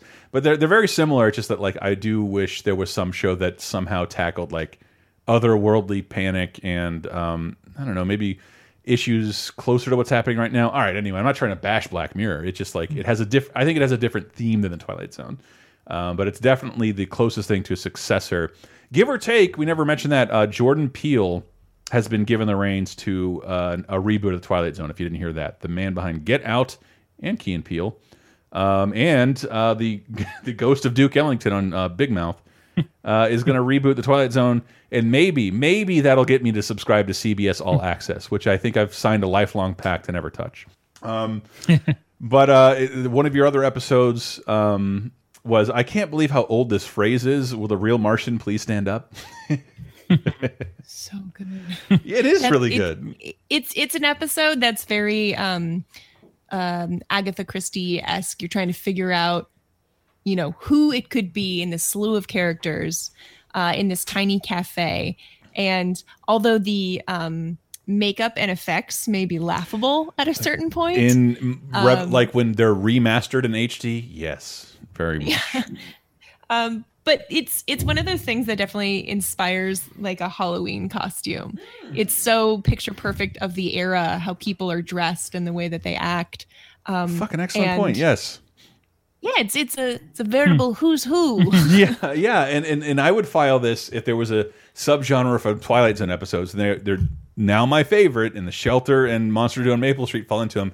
Uh, the McCarthyist themes, the Hmm. idea of trying to figure out which one of you is the other. It could be anyone. Why don't we just all turn on one another uh, before we figure this out? Um, but it, it starts with a Martian landing. Wintry February night, the present. Order of events a phone call from a frightened woman, notating the arrival of an unidentified flying object. Then the checkout you just witnessed with two state troopers verifying the event, but with nothing more enlightening to add beyond evidence of some tracks leading across the highway to a diner. You've heard of trying to find a needle in a haystack? Well, stay with us now, and you'll be part of an investigating team whose mission is not to find that proverbial needle. No, their task is even harder. They've got to find a Martian in a diner. and in just a moment, you'll search with them because you've just landed in the Twilight Zone. Fuck is that harder, Rod? How's that harder? instead of instead of thousands of needles, we uh we got like twelve people. Pick one. You might be right. There's a good chance. It's better than winning the lottery. I think it's a good sign when if a uh, if a Twilight Zone is set only at a diner, Mhm. then it's uh that then that's like a plus because isn't there there's the William Shatner one where they keep like Nick of what is it? time, yeah. Nick of time, yeah. Yeah. Uh, That's- yeah. That that's worth a mention, not for the in case because obviously most people think of Shatner's um Gremlin on the plane Mm-hmm. episode, but it's the same idea of like a kind of like a bottle uh, where they're just stuck and they can't leave and you got to figure it out. There's a man on the plane in a gritty costume. Uh, somebody, somebody get yeah. That was a better Shatner than Shatner. yeah, you're thank you, thank you, thank you very much. Uh, but you, you will, Dave, sort of notice that with all of the Twilight Zone episodes, they will do as much as they can to not leave a single room, or at least return to it as many times as they can. Which is it's it's CBS sets and money. Uh, they- We're they- only allocated so much. They said um, sixty-five thousand dollars an episode was the budget um, in 1956 money. But if you're not adjusting for inflation, I've worked on terrible games that had um, budgets forty-five thousand times that. uh, that marketing budgets even.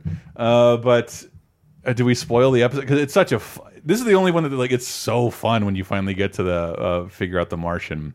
Yeah, does the real Slim Shady ever stand up? He does. He does. Uh, right at the end of the episode, and he's been there the whole time. You'll never suspect him, but now we probably ruined it a little. Uh, and it, but he just—it's one of the few episodes that, like, I don't know. It's it feels very comic booky to me because he just laughs until we fade out. Uh, but Rod, Rod will take us out. Incident on a small island, to be believed or disbelieved. However, if a sour faced dandy named Ross or a big good natured counterman who handles a spatula as if he'd been born with one in his mouth, if either of these two entities walk onto your premises, you better hold their hands, all three of them, or check the color of their eyes, all three of them. The gentleman in question might try to pull you into the Twilight Zone. Ooh, that music. that music. So good. And I'm telling you, like I'm a big sci-fi fan. I was as a kid, I was disappointed that, that um, Twilight Zones didn't deal with Martians enough, and they really don't. It's like it's it's it's like four episodes out of thirty a season. They'll they'll deal with Martians or UFOs.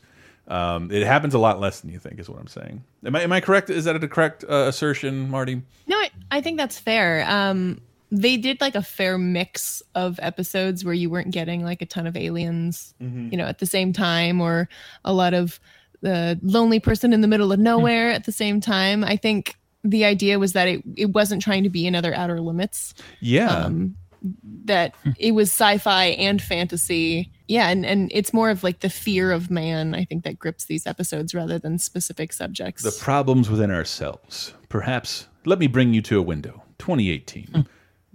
Midterm elections are coming up. Everyone's mad. Bombs are being anyway. Uh, I was going to move on to miniature, um, which is the only episode you chose from the four season, which they chose to elongate to an hour, um, an hour episode. Okay.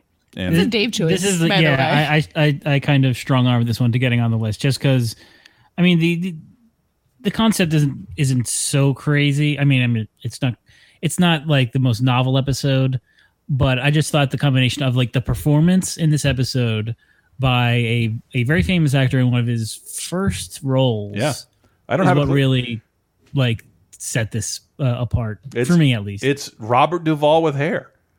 Yeah. and it's it's shocking to see because it's like, oh fuck, because like uh, no matter you know Robert Duvall and he's acting like Robert Duvall, so it's like this. It, it's an oddly modern performance and what the show that feels very 1950s, even though it's the 60s.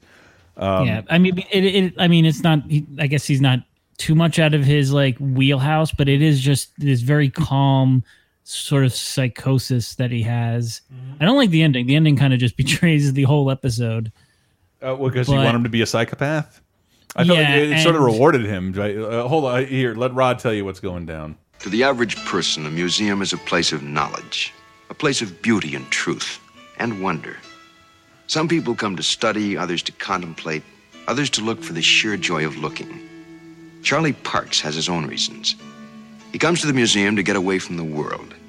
It isn't really the 60 cent cafeteria meal that has drawn him here every day. It's the fact that here in these strange, cool halls, he can be alone for a little while. Really and truly alone. Anyway, that's how it was before he got lost and wandered in to the Twilight Zone. Trying to imagine a place I wouldn't go to every day with a 60 cent meal. Mm, mm, mm. Fill my belly. Uh, but miniature involves his obsession with a dollhouse in this museum, which I was like, there's no. Uh, our museum in Tallahassee has a dollhouse. They still do. It's, it's really big and really fun to look at. Uh, but he's obsessed with this dollhouse and then eventually starts seeing a woman inside of the dollhouse and starts to talk to her and sympathize with her and hate her asshole husband. uh, but again, it's Bob Duvall like selling it. So like, um, I don't know if he did. He, yeah, he won an Oscar, didn't he? I'll look it up. But why'd you like this episode so much, David? Yeah, like I said, it's it's Robert Duvall's performance, and it it does drag on for because it's a forty minute episode. There, are, I think it, he goes back to that museum like two or three times, where it's like you could have cut this one visit. Like they tell him like, like three or four times, don't go back, and he goes back every time. Um, I think seems- it's, it's one of those episodes where you can tell the format where they were like, okay, you guys cut this together. Now we want you to make it longer. And they're like, okay, it's going to get annoying, but fine. Because he gets committed for years because of his obsession with this stuff, and that's it's the kind of thing that would have been done in a second in a thirty minute episode of the Twilight Zone. But it's it's got a good payoff, I think. Yeah. And the the payoff being he ends up inside the dollhouse with his uh with his dolly betrothed looking through uh one of those the old timey viewfinders, which I still have. Thanks to my grandparents dying. Yeah. Um but the the uh yeah, he's but it's I guess you're right. There's no ambiguity to it either, because it's the security guard sees Robert Duvall in the dollhouse. And it's like, is he actually seeing this? And the uh, the narration confirms, yes, he did. They never found Charlie Parks because the guard didn't tell them what he saw in the glass case. He knew what they'd say, and he knew they'd be right, too. Because seeing is not always believing, especially if what you see happens to be an odd corner of the Twilight Zone. and again, this this episode, this season is not on Netflix. They they omit the fourth season entirely. However, it is on Hulu, um, and, and a couple of other. I mean, but that, that services. fourth season is generally like not one of the. There, there aren't many well remembered episodes from that. I just wanted to pick one from that season just to like oh, I think that's that's cool. point out that it, they did something different that one year, and and yeah, and like on top of the fact that it's a bit too long, it also really doesn't have any sort of um message to impart. Uh, No, you know what? When, when I go back and watch these, my mind is blown when there's a message. When there's not, I'm like, huh. I kind of wish I had a guide to tell me when there was a, a message episode because those are the ones I if really want to this is see. like a bad message Yeah. because like You're right to be crazy. yeah, Yeah, it's it's the opposite of time enough at last. It's where a guy who's obsessed about something Yeah. finds happiness in it in the end. if you stare at this woman long enough, she'll fall in love with you. Nothing creepier than that, ladies. a man who sees you as a tiny Victorian doll who loves you and just wants to be with you. Like at some point, the, the little doll, he sees her getting like threatened by another man. And he gets angry and he shakes the dollhouse. Yeah. Not respecting the rules of the museum. Who oh. says chivalry is dead? Well, th- there we come. We come to our last one, which is appropriate. I didn't do this on purpose. It was just the uh, alphabetical order of my clips. What did you did you call it? The Wanderer? It's it's come wander with oh, me. it's come wander with me. So you- when you- when you can handed I, me can I do a quick preface here? When you handed me a list, did you just do this from your head? yeah.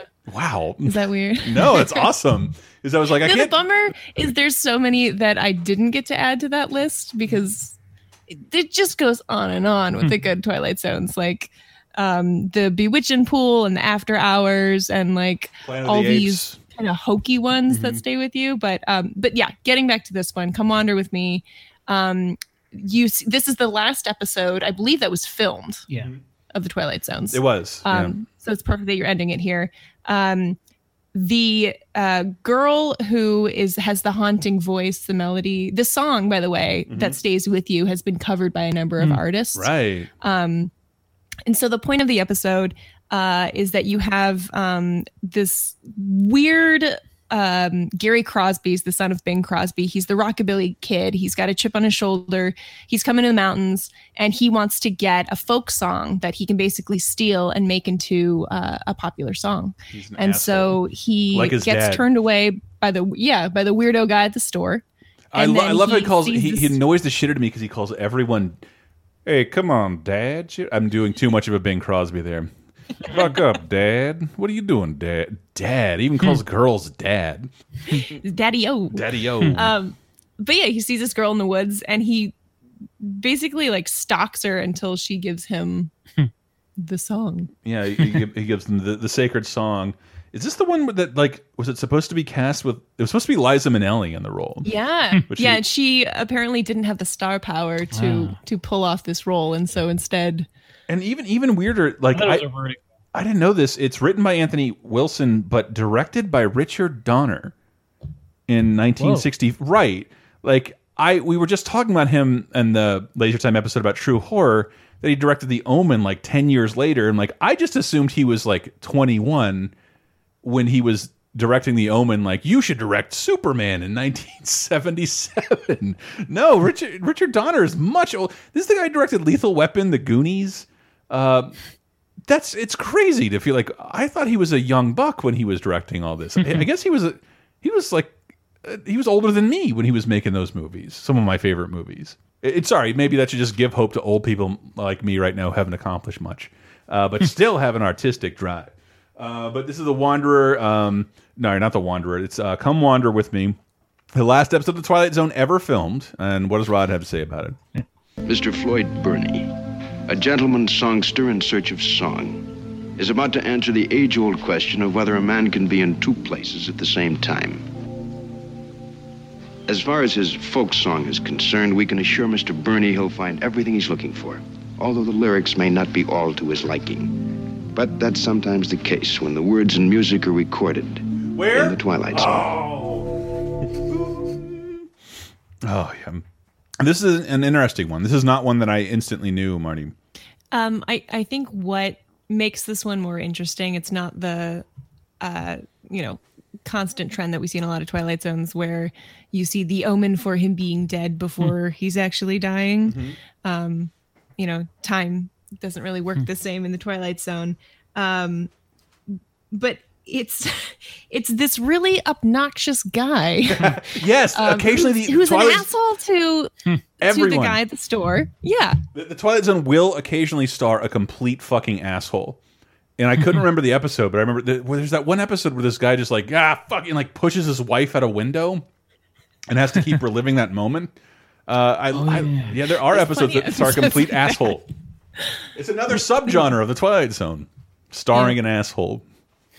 no, but it's it's the uh, it's it's the comeuppance. I guess that's the theme in those Right. episodes. It's like they develop this jerk of a character, and then much like in a horror movie, when they die, you don't feel so bad. Right. Um, but this particular episode, because of the haunting melody, and um, you know, Bonnie Beecher might have not been a Liza Minnelli, but she does a good job. You know, kind of carrying this like waif of a woman who sings a pretty song. Um, Written, and- written by the way by um by uh, Jeff Alexander, who scored a lot of Elvis movies. Huh. Yeah. That that it does sound a lot like that. It, it does, except when you hear like Gary Crosby sing the song, and he all of a sudden like I don't know what it is about the sons of artists. Like someone who's like, "Here- "Here's Willie Nelson's kid. Guess what he sounds like?" And then like, wow, can, you're the only one who can get away with ripping off someone like that because he's your dad. and this guy's doing this folk song as Bing Crosby.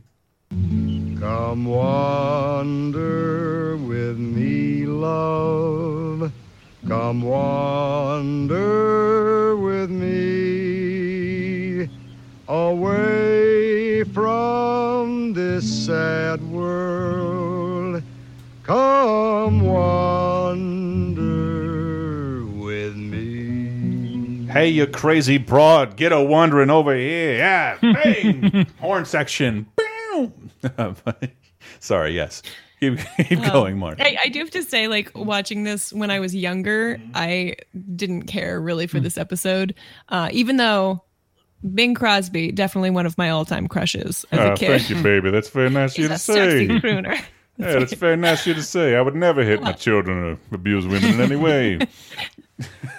but his his son is like a you know a squat like angry version of him with like none of the charm. A poor facsimile. So, yeah, it's it's like you know I'm sure he had a tough life trying to make it out on his own and didn't really have a happy life from like the bio that we were actually looking at. Right. Um, but similar to his dad in a lot of ways.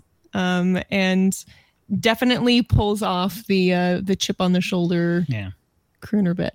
That is uh, you bringing up that this was the last produced episode does remind me that like the very very last episode, the Bewitching Pool, the reason for that being the last episode is because like they had to re-record the kids in the episode. Oh, the audio is so because the audio was like really messed up, and they had to replace the daughter with uh, It, it's like a grown up's voice. it's uh, Rocky from Rocky and Bullwinkle.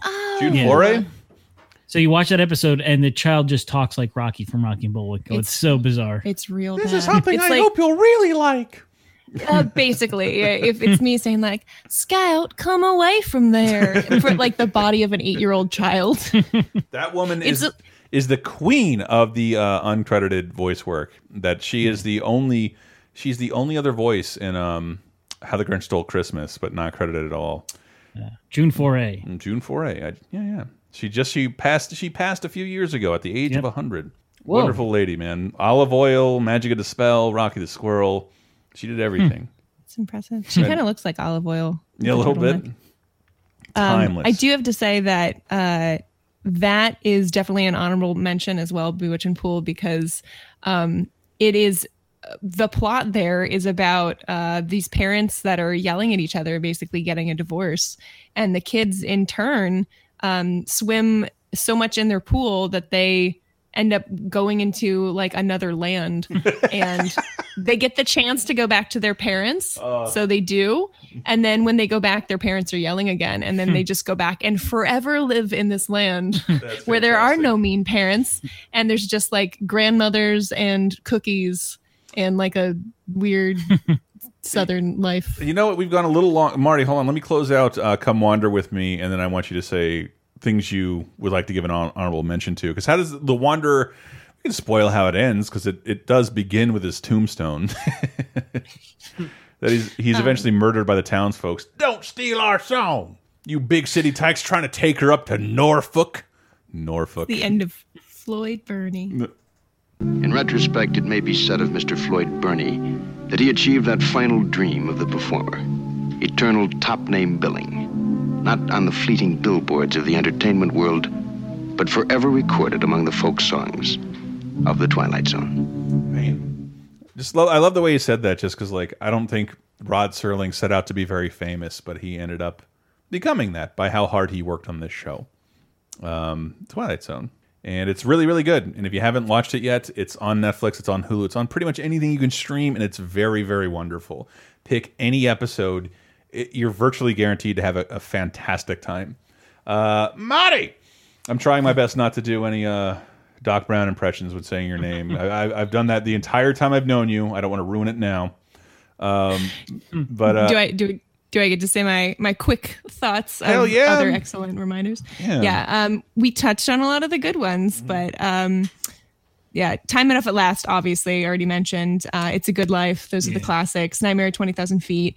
Living Doll, which is you know Annabelle. That's every parent's fear. Awful. Um, the After Hours is fantastic. It's like a haunted mannequin.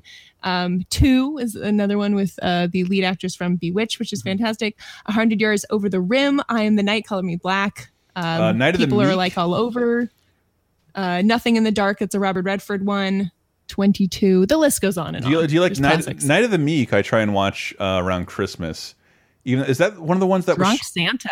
the, the ones shot because there was they tried to save money and there's a couple of episodes that were shot on videotape and and you can just everything I'm trying to describe to you like you'll if you're just binging Twilight Zone you're like oh that's why the other ones look so good because these look so bad they look like everything else shot in 1961 Uh, is that one of the ones shot on video I can't remember I, it's I one of the think it is. Christmas yeah, they, ones They definitely tried to save um, money, and in doing so, I think it wound up costing them because of the way it had to be edited.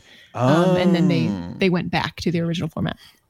good for Um, them I, I'll I'll I'll- I'll bring up uh, "Kick the Can," which I think Oh. was done better on the show than it was in the movie. I think everything else in the movie you can you can make an argument that it was done better in well the did movie. you like I think the the case was that like uh, the first sequence to be shot in the Twilight Zone movie was John Landis's Mm. uh, which did what Dave I'll let him describe it uh, it decapitated uh, Vic Morrow. and a child, I believe. and two children uh, died. Oh, just- just- so what Spiel, Spielberg was supposed to direct because the all the other uh, segments are remakes.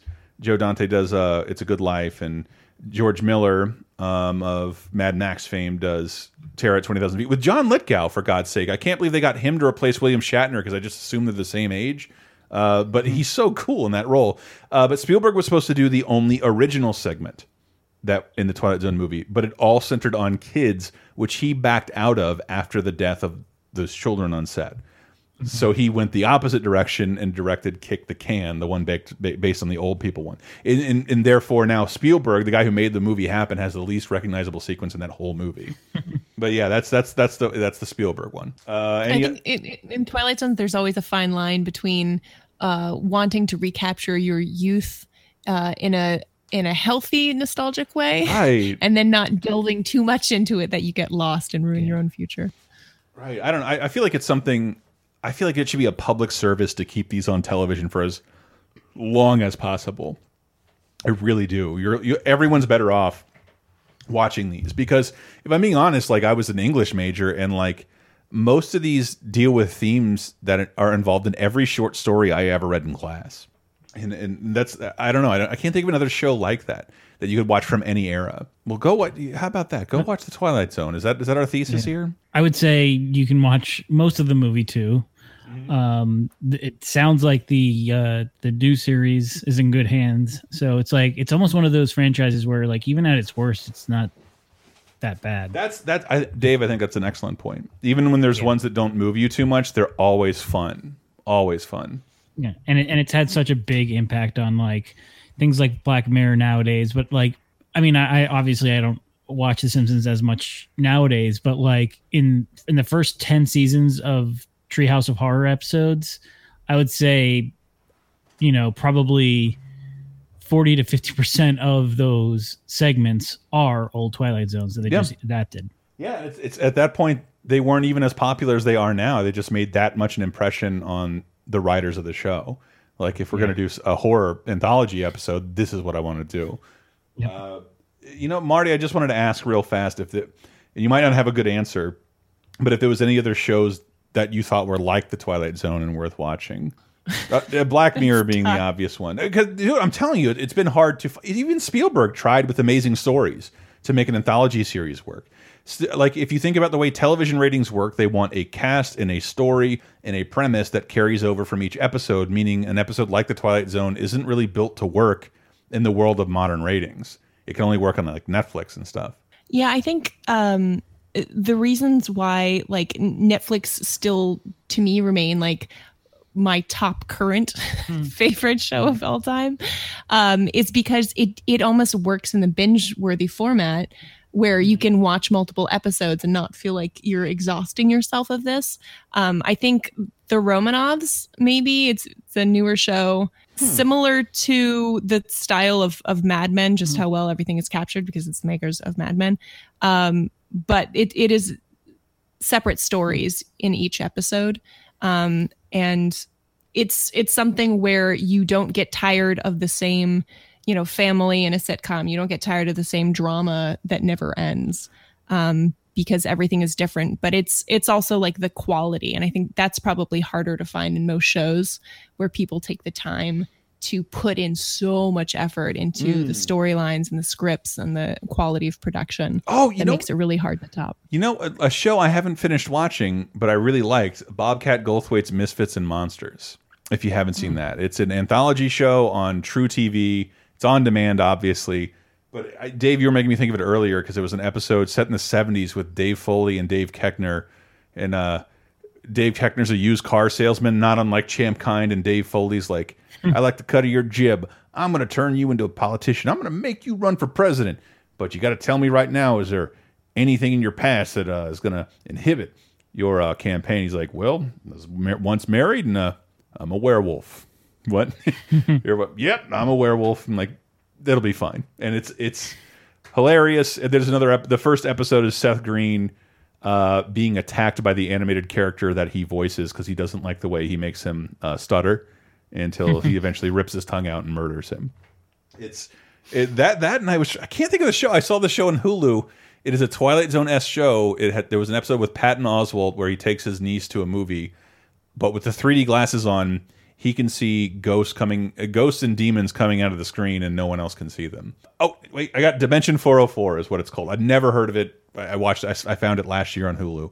Um, that but sounds like a Black Mirror kind of knockoff with like, what's another creepy, like future sci-fi name we can come up with? A 404. yeah. Oh, look at that. Dimension won't load. we did try to watch a couple other twilight zone esque shows um i do think man seeking woman which is a comedy Mm-hmm. show but definitely does a good job of like encapsulating the, the storylines Oh, um that was a really good Yeah. one as well. Um Yeah, my lady friend just said she binged that whole thing. She thought it was amazing. so good. Yeah. And Uh, it's always a bummer when those end just because yeah you want them to keep going much like twilight zones. It, it, it is my life's mission to like never see all of them but to kind of try. Like i never want to live a day when it's like i've watched them all. Dude i'm totally with you on that. Like i feel no need to like complete all of them. It's just whenever i need them i know they're there and they work differently than other anthology shows just the nature of their black and white and their, in their music their music in general is so good uh, the but go- beauty is when you get older they become more meaningful in different ways Well, hey, go watch that. There's still a little time left in Halloween. And if you're a $5 patron, uh, I just screened a bunch of Halloween shorts and hosted that and ran the trivia and we filmed it and we should have it online for you at patreon.com slash lasertime. Uh, where you can also find the Dave and I rounding out the season two of an Elm Street Nightmare. We're looking at what, Dave? Uh, Friday the 13th. uh, the entire 10 movie run, not counting the reboot, which sucks. Um, Or the game, which yeah, we streamed numerous times. Yes. But yeah, you'll you'll hear of course my thoughts on the movie, but I mean Marty I watched half of the movies with her so she uh, once in a while I'll have like an observation that she kind of passed my way. I'm now a fan. sort of. There's uh, there, uh, love it, love it. Uh, you now, Marty, you got to check out Friday the Thirteenth, the series. That'll really tie it all in together. It'll it'll bother both of you. hey, Dave, would you like a substandard Friday the Thirteenth? Hey, Marty, would you like a substandard Twilight Zone? Boom, Friday the Thirteenth, the series. It's there for you, as is Freddy's Nightmares. We did a whole video commentary for that, me and Lizzie, on uh, patreon.com slash lasertime. Because the first episode is all about Freddy's origins. You can get uh, bonus time there every single week. There are too many incentives to name at this point, and it all helps support us and uh, uh, keep us going and pay our uh, pay our bills. But I can't thank Marty enough for putting uh, this list together and having me go down um, not even necessarily my memory lane, but like re rediscovering episodes I hadn't seen in a while or hadn't seen at all. I, it's honestly I can't remember because I was at the whim of whatever they were playing in a marathon back in the day. You know, I haven't I haven't done like the full uh, linear walkthrough of the of the Twilight Zone. So thank you, Marty. You're welcome. I, I think I want to point out real quick, like when you watch the Twilight Zones, it is a fun drinking game to try to figure out if you know that actor from anything else, because they do use a lot of repeats. And even like Jeff Myrtlebank, uh, that actor later played the sheriff in The Dukes of Hazzard, so you see them again and again. Like Boss Hogg or his son? The Probably sheriff. So. The sheriff. Um, all right. Well, that is it for us. You know what I wanted to close out with? Um, this song from the uh, "Come Wander with Me" has been covered by a lot of people, including of Montreal. They made a cover of it as well. Ooh. So we'll close out with that. Uh, listen to some Twilight Zone music. I do. I really do on vinyl. Uh, thank you guys so much for joining us. More Dave on patreon.com slash lasertime. Thank you so much, Marty. We are gone. Bye. Mm -hmm.